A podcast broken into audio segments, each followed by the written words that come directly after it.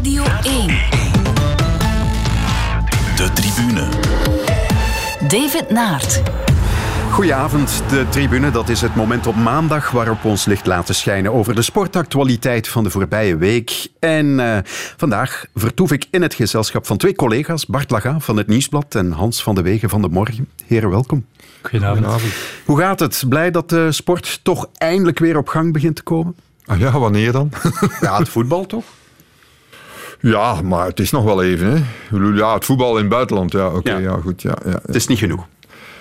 Ik, heb, eh, ik heb niet gezocht naar de wedstrijden van Real Madrid of Barcelona, eerlijk gezegd. Mhm. Eh, Zo'n beetje samenvattingen gezien en dan gezegd, oké, ja. Bart? Ja, ik heb er wel naar gekeken. Ik kijk al eh, van in het begin aan de Bundesliga. Maar ik ben wel blij. ehm, ik kan nu eindelijk zo...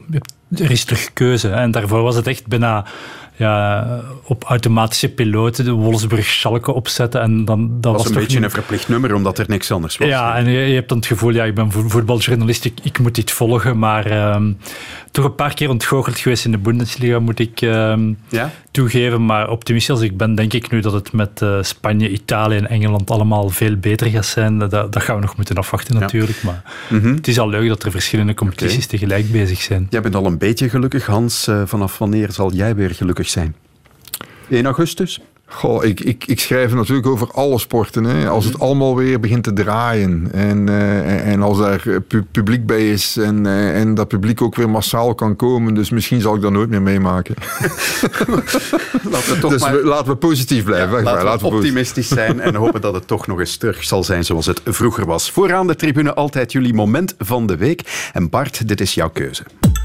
I'm sure we're going to see a lot more of this man over the next few years at the business end of the tournament.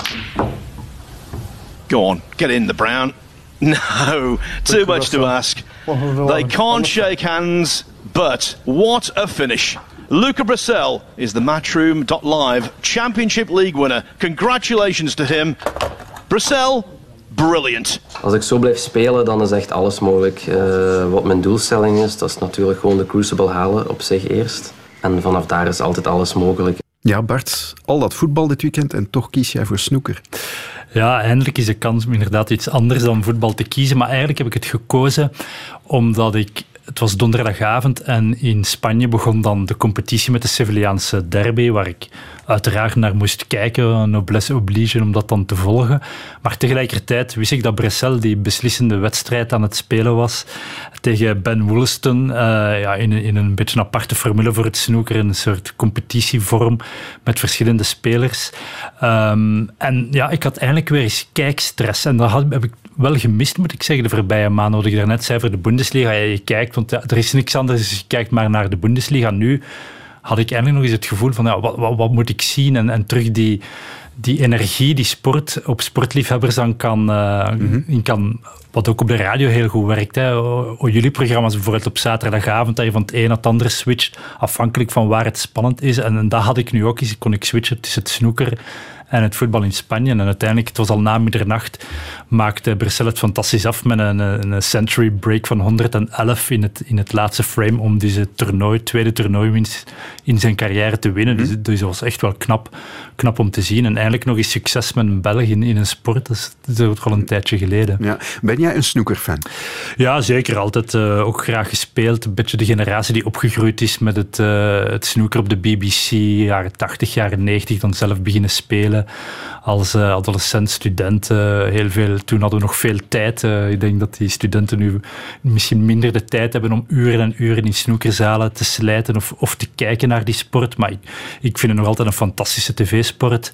En eh, ik bewonder Bressel enorm. Ik was erbij toen hij als 17-jarige debuteerde in de Crucible. Voor mij was dat ook een fantastische ervaring om in die mythische plaats zelf te komen. Dat is eigenlijk een theaterzaal in Sheffield. Heel klein eigenlijk. Je zou dan niet verwachten. Ook die, die gangen, die is allemaal piepklein. Normaal gezien komen daar eh, theateracteurs en, en dan lopen die snoekerspelers daar rond. Ja, je botst voortdurend op die bekende namen, die dan ook als commentatoren aanwezig zijn natuurlijk. Dus dat maakte veel indruk op mij. Eh, op dit moment heeft Bressel nog altijd geen WK-wedstrijd kunnen winnen. Hij hoopt het, dat nu wel te doen. Hij is nog niet gekwalificeerd. Hij had de pech dat dit toernooi niet meetelde voor de rankingpunten voor dat, dat WK te halen. Dus het zal een moeilijke klus worden, maar ik hoop het van harte. Eh, het is speciale jongen. Ehm, duidelijk een hele ruwe diamant. Hij, hij, lijkt me nu al een beetje meer gepolijst. Hij kan meer ehm, ja, toch die focus houden op de belangrijke momenten, waar je toch wel nodig hebt in die sport. Dus ik ben dus benieuwd hoe, hoe dat verder gaat. En ja, we hebben heel weinig wereldkampioenen gehad van buiten het Engelstalige gebied, zeg maar. Dus wordt hij de eerste. Uh, wie weet. Uh, ik denk, het is moeilijk te voorspellen, maar als je ziet wat hij op bepaalde leeftijd al heeft bereikt, hij is nog altijd de jongste debutant ooit op het WK, dan, dan is dat wel mogelijk, denk ik. Ja. Hans, hoe kijk jij naar snoeker als sportjournalist? Wel, ik heb destijds uh, zomercursussen gevolgd op de Sporthochschule in Keulen. En daar hebben we een definitie van sport uh, gemaakt. En snoeker valt daar dus niet onder onder sport, want er is geen cardiovasculaire activiteit te gevolg van een inspanning. Dus dat is een spel en dat is een heel moeilijk spel. Maar niet alles wat moeilijk is, is daarom sport. Hè? Mm -hmm. Dus... Uh, ik ken daar geen bal van van snoeker. Maar ik ken Luca Bressel wel. Ik weet dat het een beetje een, een licht autistische jongen is. Een beetje speciaal. Eh, maar goed, veel sporters hebben dat. Of veel spelletjes-specialisten hebben dat. Het doet mij een beetje denken aan, aan e-sports ook. Hè. Ik bedoel, uh, maar het is een handigheid. En, en als, als mensen dat sport vinden en ze willen dat op de sportpagina's. Vroeger stond hengelen ook op de sportpagina's. En dus, uh... ja. Goed, we gaan eens naar jouw moment luisteren, Hans. Dat is van een heel andere orde. Mr. President, are you worried that IWF may also face FIFA uh, kind of investigations that are currently going on about leadership and, and, corruption after you leave the IWF? I don't want to comment the problem of FIFA, but I think we have to to to be prepared. The government taking care of our, responsibility, but we have to face them. If you have good management, there is no problem. But I don't expect this kind of to happen in the IWF, but I think uh, we fight a lot for the, the autonomy and independence of the sport movement. Ja, een bevlogen spreker zal hij nooit worden. Hij is ook al 87 ondertussen, Lamine Diak. Dit was hij in 2015, zijn laatste jaar als voorzitter van de Internationale Atletiek Federatie. En vorige week is dan in Frankrijk dat lang verwachte proces tegen hem begonnen. Proces ja. wegens corruptie, Hans. Ja, dat was, ik moet eerlijk zeggen, dat is het ergste eh, wat, er, wat ik heb gezien. Van, en ik, ik ben opgegroeid met dat soort figuren. Hè, met uh, Ruben Acosta in het volleybal met Nebbiolo in, in, in atletiek, die er een negende baan liet bijleggen, die verspringwedstrijden heeft vervalst en zo. En, en andere rare figuren, om dan niet over de voetballers, uh, daar gaan we het ook nog over hebben, waarschijnlijk over Blatter en zo. Maar, en dan zie je Lamine Diak, dat hij nog in, ja, in de 21ste eeuw uh, dopingstalen heeft laten verdonkeren manen tegen geld. Wat hij heeft dan uitgelegd in de rechtbank, ja, maar ik wilde, de, ik wilde zorgen voor de financiën van de IAF. en de Russen hebben mij daarbij geholpen. En daardoor mochten ze meer atleten sturen naar de kampioenschappen. Ja, het ging echt om zeggen tegen de dokter van, ja, dat is wel positieve, maar daar gaan we niet over praten. Mm -hmm. die laten we vallen. En de, jij krijgt ook een beetje geld aan Gabriel Dolé, die ik zelf nog heb geïnterviewd. Die man was een heel bevlogen man. Een van de eerste die begon met... Ik heb die in Osaka op het WK 2007 ben ik nog in de kelder gegaan. Er was toen ook nog een Belg die daarbij, betrokken was. Een Belgische dokter die daar al lang weg is nu bij de IAF. En die heeft mij daar nog binnengeloodst. En die heeft mij toen laten zien waar zij mee bezig waren. Met, met die bloedwaarden enzovoort. Ze waren echt... eh, Ze waren frontrunners. Want atletiek is natuurlijk de eerste dopingsport. Men zegt altijd wielrennen, maar atletiek heeft alles eerst geprobeerd. Mm -hmm. en, en, maar dan zie je zo'n Lamine Diak en dan denk je, ja, en dan denk je, ja, met de eerste reacties, ja, die in Afrikaan natuurlijk. Ja, dat is natuurlijk een racistische opmerking. Maar als je alle Afrikanen gaat bekijken die uh, in de sport hebben een verantwoordelijke functie gekregen, ja, dan zit daar toch wel wat bij. Maar uh, bij de Europeanen ook, hoor, eerlijk ja. gezegd. Dus uh, wat dat betreft... Je hebt Sepp Blatter al genoemd. Blatter, ne Nebbiolo was Italiaan. Dus die, en dat is er nog steeds niet uit. Mm -hmm. Dat is er nog steeds niet uit. En Sepco zal waarschijnlijk uh, correcter zijn. Maar ik vraag me af, hebben wij dan altijd verkeerd zitten kijken? Uh, heeft Jacques Rogge al ook verkeerd zitten kijken? Hebben wij dat nooit gezien? Heeft Michel Doge bij de, bij de, bij de, bij de FIFA niet gezien dat twee derde van zijn medebeheerders, dat die zo corrupt waren als maar kon, dat daar geld heen en weer ging. Hè. Nu, nu Blatter ook natuurlijk nog, hè. die wordt dan nu in verband gebracht met betalingen naar, uh, naar Trinidad en Tobago, waar dat die Jack Warner zat, uh, ook ondervoorzitter. Dat is één grote corrupte boel. Ja, en hoe komt dat, dat dat in alle, haast alle sportfederaties zo is? Want onlangs hadden we ook nog de, de gewichtheffers, de internationale ja, federatie met Tamas Ayan. Ja, dat is toch dat oordeel ver, vernietigend wat die heeft uitgestoken. Volgens mij desinteresse van de atleten voor een groot stuk. Mm -hmm. Je zou eigenlijk moeten atleten op een bepaald moment kunnen recycleren en zorgen dat ze er terug zijn. Maar dan heb je ook een Sergei Boepka, daar geloof ik dus ook niet in, hè, mm -hmm. eerlijk gezegd. Dat is dan een topatleet die gerecycleerd is in de bestuurdersfunctie. Maar, maar ik denk, ja, als die mensen zich meer zouden interesseren voor hun sport na hun, maar natuurlijk na 20, 30 jaar trainen en wat al niet meer hebben meegemaakt met al die bobo's, denken die van, uh, ja, dit, daar doe ik niet meer aan mee. Maar mm-hmm. eigenlijk zou dat, en... Waardoor ze ook altijd maar blijven zitten, hè? Die zitten daar tientallen zelf, jaren, wat zeer ongezond ook, is. Hè? Ik heb zelf ook in een bond gezeten. Hè? Mm-hmm. Uh, ik ben directeur geweest van Wielerbond Vlaanderen. Mm-hmm. My god, wat daar werd verkozen als voorzitters en denkt, ja, dit kan niet waar zijn.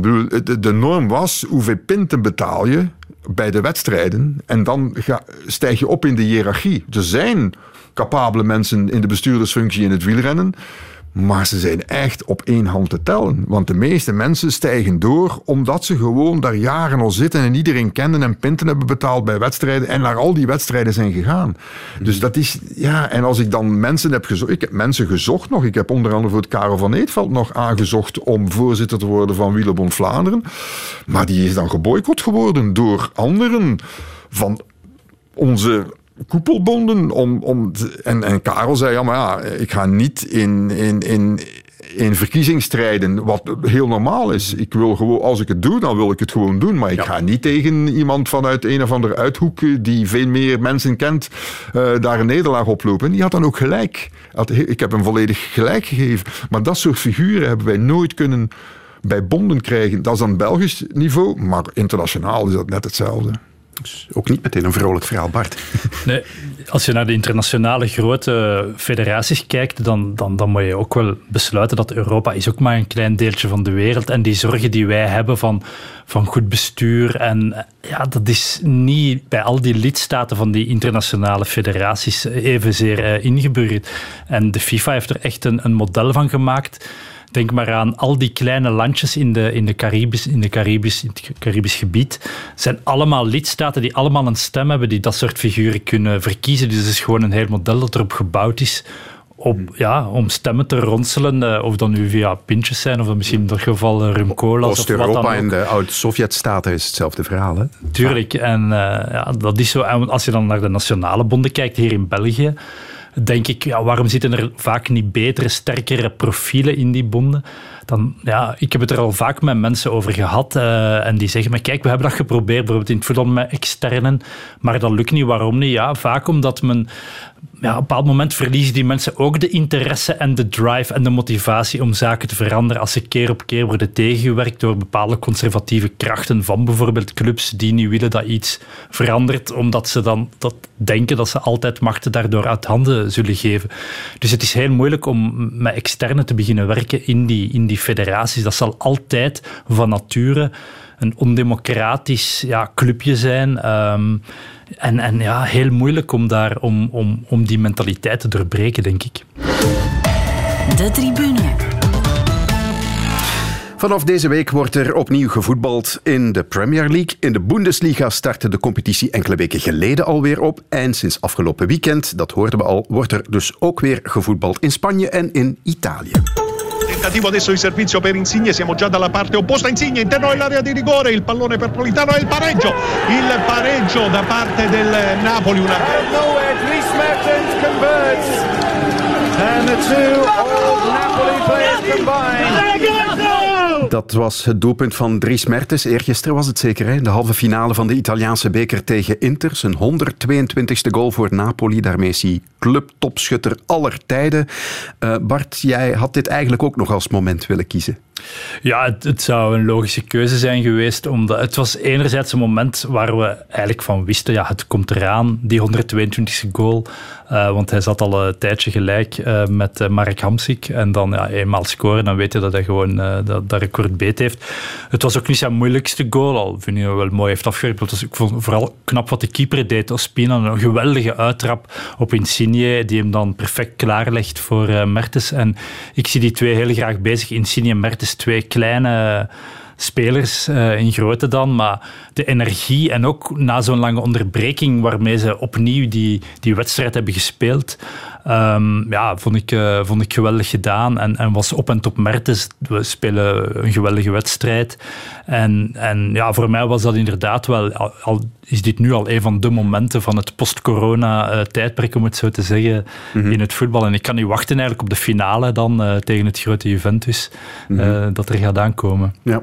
Een Belg in een grote competitie als de Italiaanse, die daar 122 doelpunten maakte eh, in, in zijn carrière tot nu toe bij Napels. Ja, hoe Moeilijk, hoog, moeilijke competitie. Ja, hoe hoog moeten we dat inschatten, wat uh, Dries Mertens ja, nu bereikt denk, heeft? Ik denk dat het wel heel, heel erg knap is. Hè. Mm. En wie had dat in godsnaam verwacht? Ik weet nog goed, ik, uh, ik werkte in Nederland en een collega van mij bij Voetbal International ging weg, ging manager worden bij AGOVV, Ted van Leeuwen. En ik had daar goed contact mee. We hadden heel veel interviews samen gedaan. Die nodigde mij een keer uit. En, en ik denk, dat is een Belg, die kleine die daar loopt. Ik zeg, wat is dat? Dries Mertens. Ah, maar ik zeg, ja, die heeft toch nog bij Gent gezeten ook? Ja, ja, ja. Ja, ja. Ik bedoel, ja, wie had dat verwacht? Ik, ja, en, en, inderdaad, hij is kleiner dan men aanneemt, dan men mag zijn. Hij is als kleiner dan Messi, die al heel erg klein is. Maar uh, zoals Bart zegt, ja, die energie. En uh, hij is vooral een voetbalspeler, met nadruk op spelen. Hij, hij, speelt dat spel graag. En, en dat zie je ook met, met, bij de nationale ploeg. Vind ik hem eigenlijk ook altijd wel. Hij wordt daar wel een beetje meer als supersub gebruikt. Ja. Maar ik vind hem toch ook altijd wel iets brengen. Uh, in een spel dat je denkt van ja, dat wil ik wel zien. Hè? Het straffen aan die goals is vooral dat hij in het begin helemaal geen spits was of toch niet zo werd uitgespeeld. Hij is dus pas gaandeweg, uh, halverwege zijn periode bij Napoli, dat Sarri hem ineens diep in de spits beginnen uitspelen. En dat werkte wonderwel. Dan zie je wat voor neus voor doelpunten dat hij heeft. En ik denk, we hebben natuurlijk Romelu Lukaku bij België, wat een fenomeen is. Niemand twijfelt uiteraard aan zijn basisplaats in die ploeg. Maar eigenlijk moet je zeggen, onze spits nummer twee is, is Dries. En dat is een ontdekking geweest die van vrij recente datum is. En als je zijn carrière overschaduwt, overkijkt, uh, inderdaad bij AGOVV, kon natuurlijk niemand vermoeden dat hij ook maar het niveau in de eerste klasse in Nederland aankon. En toen hij bij Utrecht zat, vroeg iedereen zich af, ja, zal hij wel slagen bij PSV? En zo is het, hij is steeds verder gegaan. een stap vooruit. Ja. En nu weten we dat hij zelfs een, de mogelijkheid had om naar Barcelona te gaan. Weliswaar daar niet als basisspeler, reden dat hij dus dat ook niet zag zitten, want op zijn 33 jaar wil hij gewoon elke dag spelen. Ook als je ziet hoe hij bejegend wordt als vedette in Italië, gaat hem zo natuurlijk af. Mm -hmm. Hij wordt Chiro genoemd, hè, dus dat is de, de koosnaam voor, voor de Napolitanen. Ze beschouwen hem echt als een van hen en, en ja, dat is onbetaalbaar, zo'n status. Ik denk dat we echt al moeten teruggaan tot de, de Pfafs in Bayern München en dat soort figuren om een vereenzelviging te zien van een België. Natuurlijk, Vincent Kompany in Manchester is ook wel een heel bijzondere band geweest. Op dat niveau staat. Het is echt wel uh, niet te onderschatten. En ik, ik had zijn marktwaarde nog eens nagekeken. En als je ziet, hij behoort tot een uitzonderlijke generatie van 87, waartoe Messi, Suarez, Benzema behoort. Daar komt hij nu eigenlijk bijna aan het niveau van, van die mannen. Hij is nog altijd 20 miljoen waard, wat nog altijd het dubbel is als wat Napoli destijds voor hem betaalde. Hij is 33 mm-hmm. jaar. Normaal gezien ben je dan al ver over het top van je carrière heen. Dus ja. echt knap. En hij tekent straks gewoon een nieuw contract voor twee seizoenen? Ja, ik denk, het is bijna, je ziet hem bijna niet meer ergens anders spelen. Hè. Maar uh, uiteraard um, heeft Napoli het altijd wel een beetje dubbel gespeeld. Want zij, zij hebben altijd de druk opgevoerd, emotioneel dan op hem. Ook met de trainer op hem ingepraat. En daar uh, ja, willen ze misschien soms een beetje van profiteren. Dus mm. uh, ik begrijp wel dat hij wat tegengas geeft. Maar dit doelpunt zal hopelijk wel Napoli dan over de streep trekken. Ja, was nog een andere rode duivel die in de schijnwerpers liep dit weekend. Dat is Eden Hazard, terug van weg geweest na bijna vier maanden. Gespeeld en gewonnen met Real Madrid. Je hebt niet live gekeken, Hans. Nee, maar wel, het wel gevolgd. Gevolgd, ja. Ja, Hazard is, Hazard is ook een heel goede voetballer. Ik bedoel, een van de beteren in de wereld. En, en, en dat is ook een rasvoetballer. Hij heeft het geluk gehad met de corona dat hij echt zijn blessure heeft kunnen helemaal laten. Ik hoop van hem dat hij echt wel heeft gerevalideerd. Mm Niet gewoon heeft thuisgezeten, maar blijkbaar niet, want qua gewicht staat hij redelijk oké. Ik denk dat ze bij Real Madrid wel gezegd hebben van uh, we zullen daar op letten. En dan zie je hem voetballen. Ja, ja oké, maar één assist. Maar ja, ja en ik moet, Real vond ik nu toch niet echt uh, super hoor, eerlijk gezegd. Uh, ja, het, het, hoefde ook niet. Aibar was, was geen partij. Mm. En uh, die assist, oké, dat was heel slim van hem, want hij geeft daar de bal aan Sergio Ramos, wat de man is. Dus goed, goed, gezien van Eden om te geven terug in de gunst te spelen van de belangrijkste figuur in de kleedkamer. Maar uh, het is vooral ja, die vooractie voor het derde doelpunt, dat ik uh, de 1-2 met Benzema, waar hij toch wel zijn, zijn klasse opnieuw laat zien, onmiddellijk in die eerste wedstrijd. Dus ja, het was, Mertens heeft de hoofd, hoofdvogel afgeschoten dit weekend, mm -hmm. maar Hazard was toch ook wel, wel sterk, vond ik. En, Hazard moet op één ding letten, hij moet zijn snelheid blijven behouden. Dat, hij is echt wel afhankelijk van die snelheid. Ik zeg niet dat hij geen goede balhander is, mm -hmm. maar ehm, hij is echt afhankelijk van zijn snelheid. En daar, gaat, daar zal hij moeten blijven op trainen. Mm -hmm. Dat zal echt voor hem essentieel blijven. Of hij zal moeten een, ja, een lijn terugzakken. Dat kan ook nog eventueel. Misschien kan hij dat ook wel. Maar als hij daar wil spelen, dan. Uh, en hij zal moeten. Het is geen super harde werker. Hè. Dat, is, uh, dat is geweten. Ja. Dus uh, dat is het enige gevaar dat ik zie bij hem. Ja. De vraag is natuurlijk: kan hij Real nu nog kampioen maken? Want daarvoor is hij uiteindelijk wel naar Madrid gehaald. Wel, Zidane was vol lof over hem. Vooral uh, in, uh, omdat hij in het samenspel uh, ook um, zich heel erg nuttig toonde. Hè. Hij, hij, is belangrijk vanwege zijn individuele actie, een man voorbij te gaan, maar hij is ook genereus en hij, hij kan bij, hij, kan het heel goed vinden met Benzema, wat toch de geprefereerde spits is van Zidane. Um, dus hij lijkt toch wel vrij goed in het systeem, in de ploeg van Zidane te passen. En Zidane met alle beperkingen als topcoach dat hij misschien heeft voor sommigen, slaagt er toch weer in een ploeg op plein te brengen van spelers die elkaar vinden, topspelers, kwaliteit en die ook laten zien. En wedstrijden worden beslist in flitsen. En Hazard is zo'n speler die, hè, wat, Hansen zegt, oké, een assist, maar, maar vaak is die assist kan genoeg zijn om de wedstrijd mm -hmm. te winnen. Dus ja. zo'n actie kan ook genoeg zijn om, uh, om Real Madrid aan het kampioenschap te helpen. Al vond ik Barcelona ook wel uh, heel sterk. En Messi, sinds hij zijn baard heeft afgeschoren, ziet hij er ook weer vijf jaar jonger uit. ook weer direct op topniveau. En dat heeft me wel verbaasd, want ik had gedacht, na zo'n lange onderbreking met weinig voorbereiding. Alle specialisten uh, zeggen dan toch, ja, we moeten toch vier, zes weken met veel oefenwedstrijden rekenen. Ja, blijkbaar hebben al die absolute toppers daar wel minder last mee. Of lijkt dat voor ons zo, omdat het tempo misschien iets lager ligt, waardoor dat de topspelers meer uitblinken. Dat, maar dat zou het kunnen dat, bij, dat ze bij die topclubs, onder andere bij Barcelona ook, daar had ik het eigenlijk niet zo van verwacht, want was er toch een beetje een anarchie op het einde, maar dat ze daar toch uh, die spelers echt hebben gemonitord en, en, en met programma's hebben laten werken.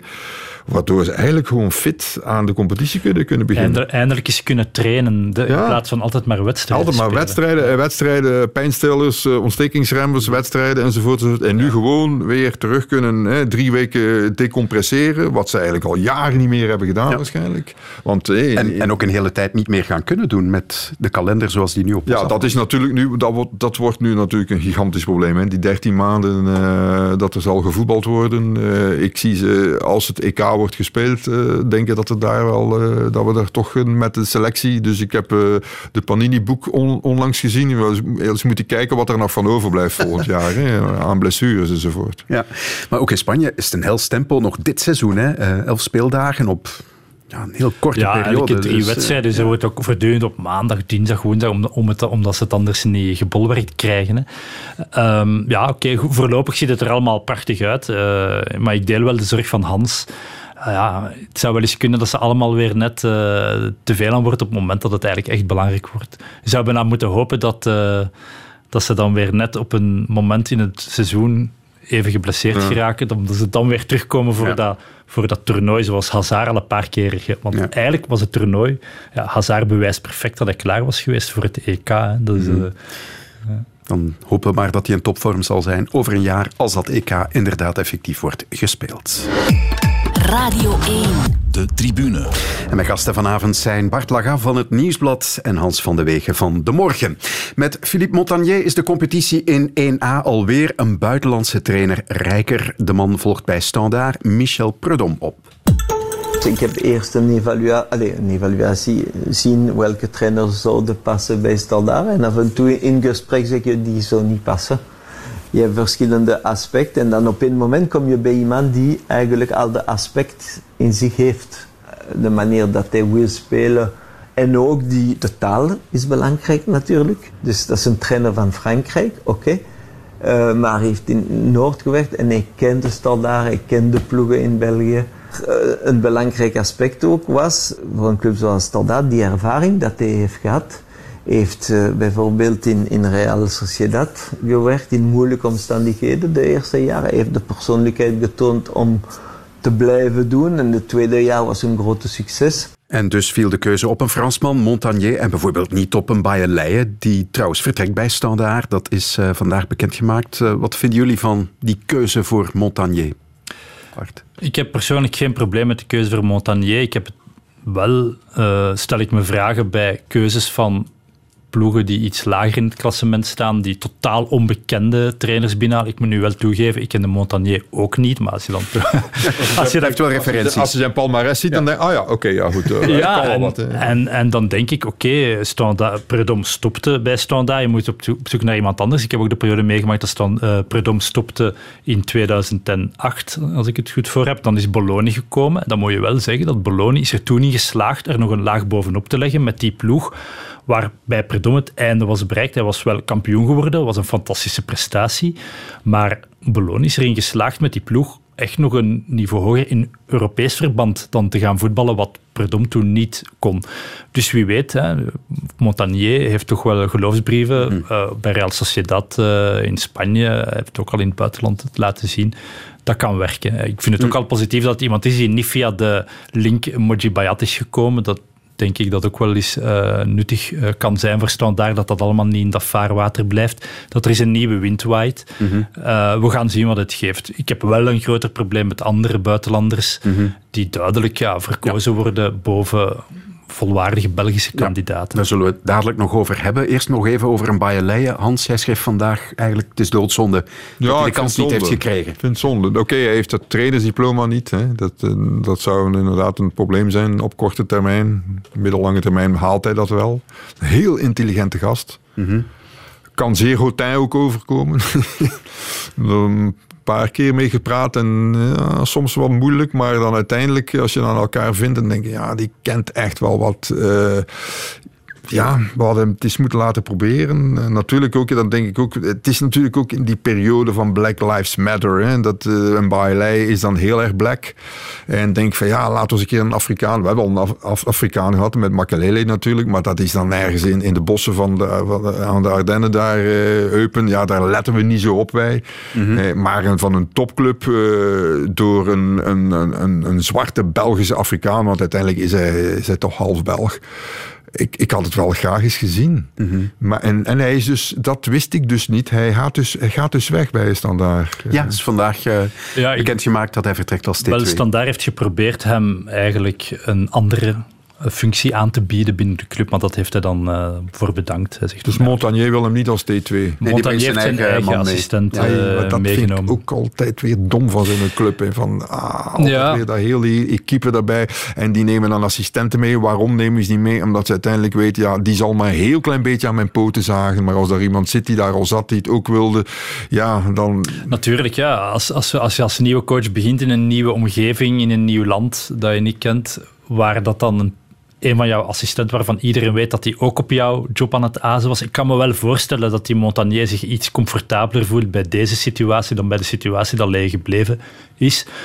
Los daarvan vind ik het ook jammer dat, uh, dat, dat niet, niet zijn kans krijgt. Maar los weer daarvan, er zijn zoveel trainers waarvan ik vind dat ze eens hun kans moeten krijgen. En ik denk, dat in de column van Gert Verheijen vandaag ja. bij ons zijn. Ze is opgesomd. Ik denk dat er nog maar vier, vijf Belgische trainers zijn overgebleven. Dus ja. Dat heeft uh, Tom Boudewil bij ons ook uh, gezegd, inderdaad. Vijf op dit moment, als je Waasland-Bever niet meerekent. En ook Beerschot en Oud-Heverlee-Leuven niet. En Bart, jij ergert je duidelijk, denk ik, dan aan, aan de keuze die Sint-Truiden maakt voor een Kevin. Muscat of Oostende voor die onbekende ja, Duitser. En nogmaals, ik heb niks tegen Kevin Muscat. Uh, waarom zou je een Australiër geen trainer mogen zijn in Europa? Ik vind het ook misplaatst te denken, omdat het een Australiër is, dat hij per definitie niet geschikt zou zijn voor België. Maar ik begrijp gewoon niet waar men ja, die, die, die mensen vandaan haalt. Zeker omdat je toch wel goed statistisch ziet dat heel vaak dat het niet de juiste keuze blijkt te zijn.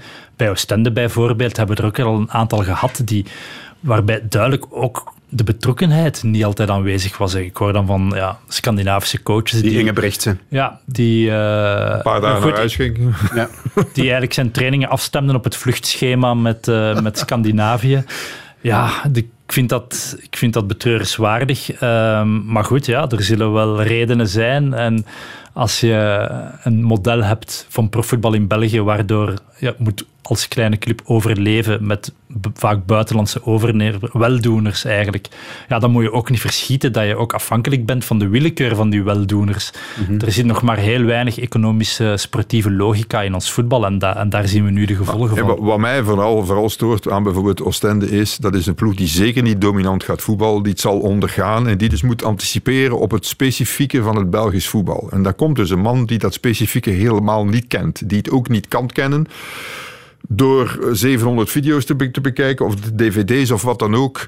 Uh, en die dus, zoals we eens gehad hebben uh, bij Eupen, waar er een trainer zat, dacht ik die na een tijd zei van ja, maar nu heb ik het wel begrepen hoe hier wordt gevoetbald. We gaan het anders aanpakken. Hè? Ja, want we, spelen een beetje te veel open. Ja, ze kregen dan uh, heel veel goals binnen natuurlijk. Ja. En, ja, en dan gingen ze wat anders. Dat denk ik van ja, dat moet je eigenlijk al weten. Als je Belgische competitie is een hele moeilijke competitie. Heel eerst altijd een veldslag winnen in België voor je kan beginnen voetballen. Mm -hmm. En als je dat niet weet, en Oostende, ja, ik hoor ook wel dat die van alles willen doen. En, en, en, en uh, wel, dat heeft Gert Verheyen ook vandaag in zijn column gezegd natuurlijk. Gegenpressing spelen en hij heeft daar gelijk in. Ja, je moet eerst de bal hebben om dat te kunnen spelen ja, natuurlijk. Want maar dat ik wil vind zeggen, wel... ik ga daar de bal afnemen. Hè? Ik vind nu wel persoonlijk, Hans, het is niet zo omdat je een kleinere club bent in België dat je per se op de counter moet gaan spelen. Ja, maar je gaat op de counter spelen, Bart. Of Nee, nee, ja, ja, ondergaat uiteraard. het spel. Onder, ondergaat altijd het spel. Nee, ja, bedoel, als je tegen andere kleinere ploegen speelt, bijvoorbeeld, kan je wel initiatief nemen. Philippe Clement heeft met Waasland Beveren bewezen dat je wel van het balbezit eh, kan spelen.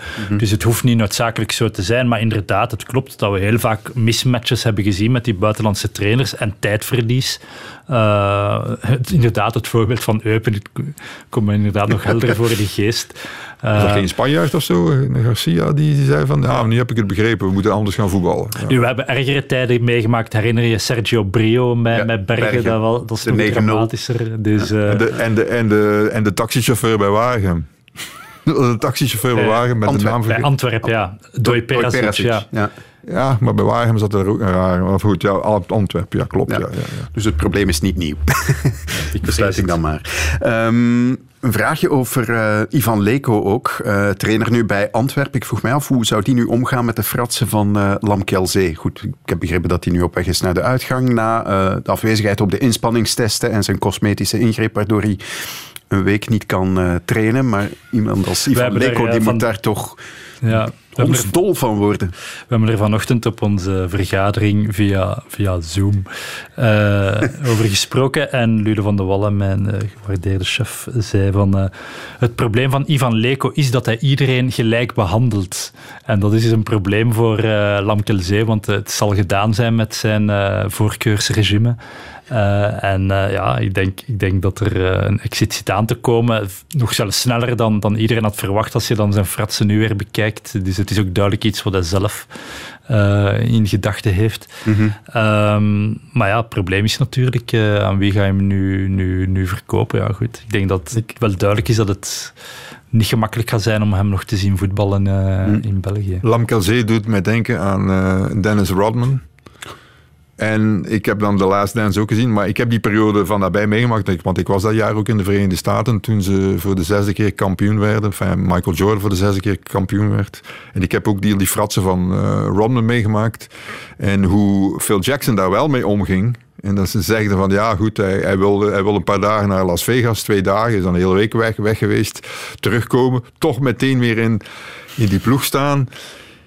En ik heb gezegd, ja, misschien moeten ze dat wel doen met Lamkezé. Alleen in een voetbalteam is dat blijkbaar met elf mensen is dat heel erg moeilijk. En als daar geen echt super dominante uh, andere speler bij zat, zoals een Jordan die dan uh, Rodman in, in bescherming neemt, omdat hij weet van, ja, die knapt voor mij onwaarschijnlijk vuil werk op ja, ik, ja Lamkazé is volgens mij meer, meer dan aangeschoten. het verschil is ook wel, Dennis Rodman was in die periode daarvoor uh, jarenlang uh, de rebound-koning bij de Pistons, dus hij, heeft wel, hij had wel iets bewezen. Maar Lamkazé heeft ook al iets bewezen. Hij kan, mm kan verschrikkelijk voetballen. Hè? Ja, hij, heeft, hij, was de matchwinnaar in de enige wedstrijd die Club Brugge dit seizoen verloren heeft. Uh, was, ja.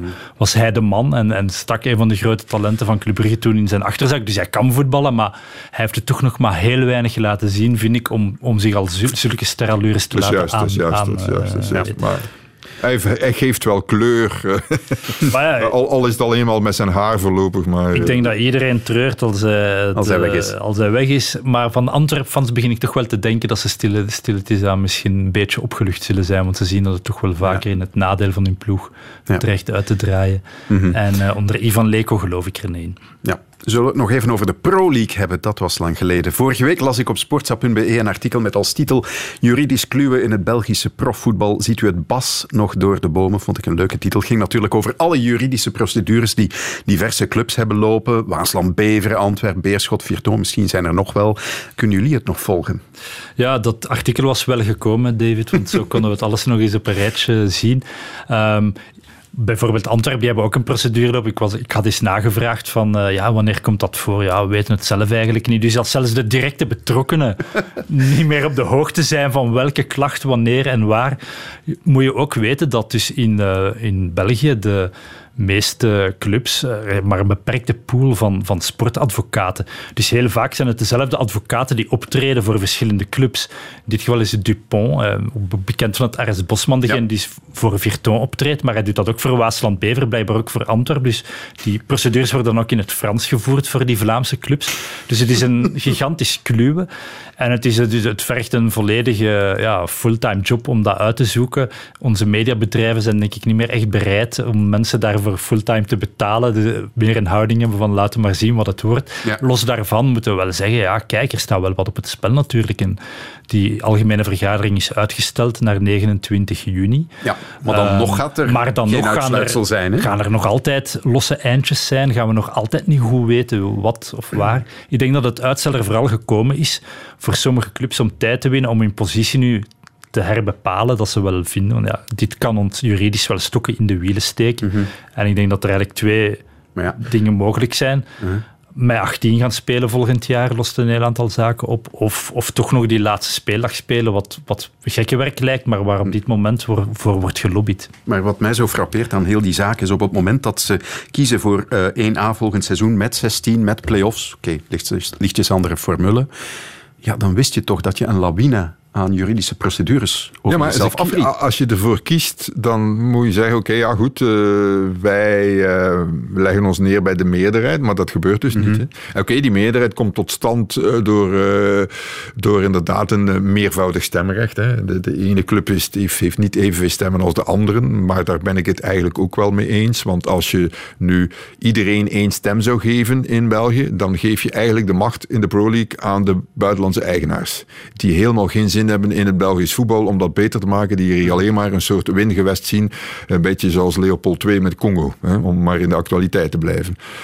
En uh, dus uh, ja, maar het is chaos. Het is één maar grote hebben die, chaos. die clubs die dan ja. drie stemmen hebben zoveel meer, zoveel meer visie voor dat Belgische voetbal? Uh, wel, ik, ik daar ook, ze, zouden, ze zouden meer visie moeten hebben en ze zouden vooral veel solidairder moeten zijn met de clubs waarvan ze denken kijk, met zoveel kunnen wij in België een mooie competitie maken en laten we goed voor elkaar zorgen. Maar dat mm. doen ze dus niet, mm-hmm. want elke stijging van televisierechten heeft geleid tot veel meer geld voor vijf clubs, en daar wil nu een zesde bij, Antwerp. En minder geld eigenlijk, maar die kregen ook een beetje, maar minder voor. Ja, en dus die discrepantie, dat is enorm. Die kloof is, is steeds groter geworden. En dat is natuurlijk ook, ja, en dan snap ik ook wel weer uh, de beverens van deze wereld, dat ze dan zeggen, ja, maar wij gaan toch naar de rechtbank.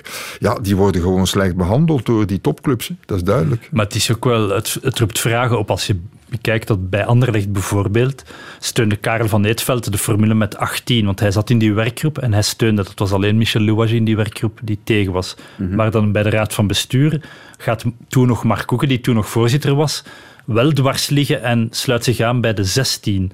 Ja, dan zeg je, als je al binnen eenzelfde club al geen overeenstemming hebt van, van visie, hoe kan je dat dan binnen die, die Pro League nog hebben?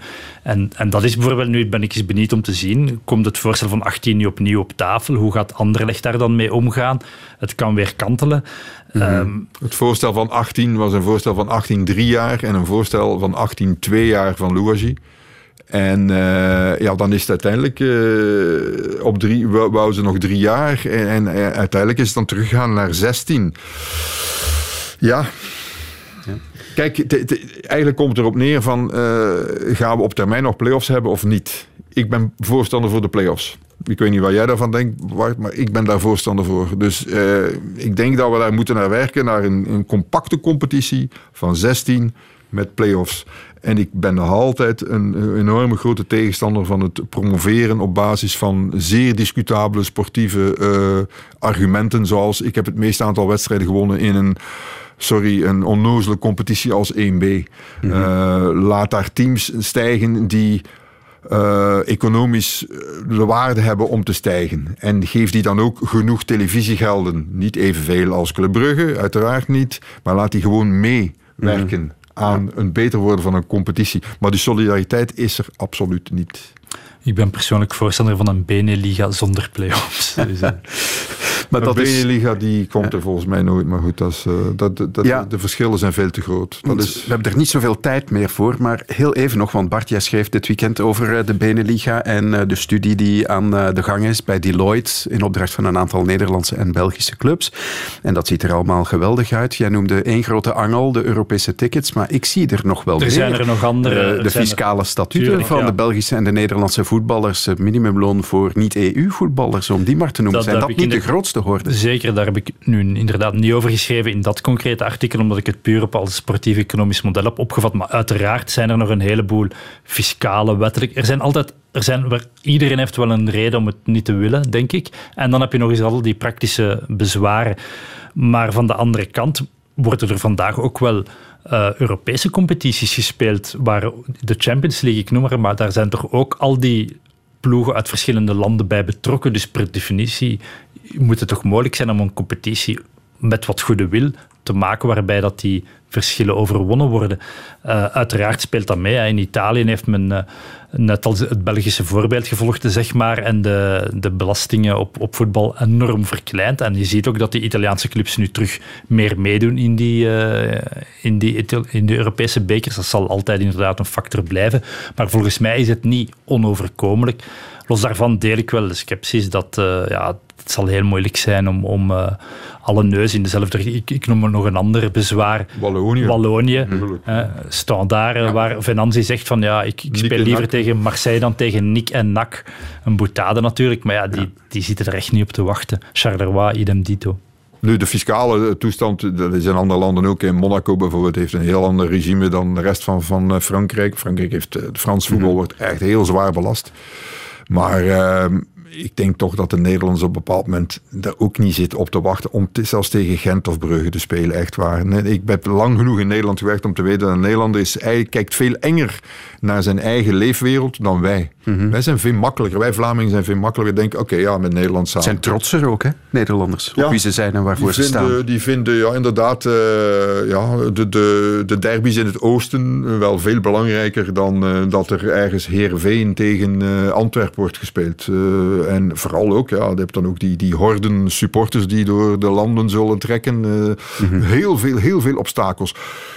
Wat ik ook niet begrijp is dat, er, ja, dat iedereen denkt dat 1 plus 1 3 wordt. Hè. Dat eh, lijkt mij ook, ik zeg 1 plus 1 zal hooguit 2 zijn. Ja. Ik, ik, wil wel eens zien of daar 300, 400 miljoen uh, well, Deloitte zegt 2,3. Die zegt dat 30% uh, 35% potentieel meer inkomsten. En het zal nodig zijn natuurlijk, want dat is eigenlijk de enige reden om het te doen voor die topclubs natuurlijk. Ja. Er nog van al... dat hen over de streep. Wel, ja, wat ook meespeelt, maar dat gaat ons te ver leiden, is de hele discussie over de Europese bekercompetitie, de hervorming in 2024 die eraan komt.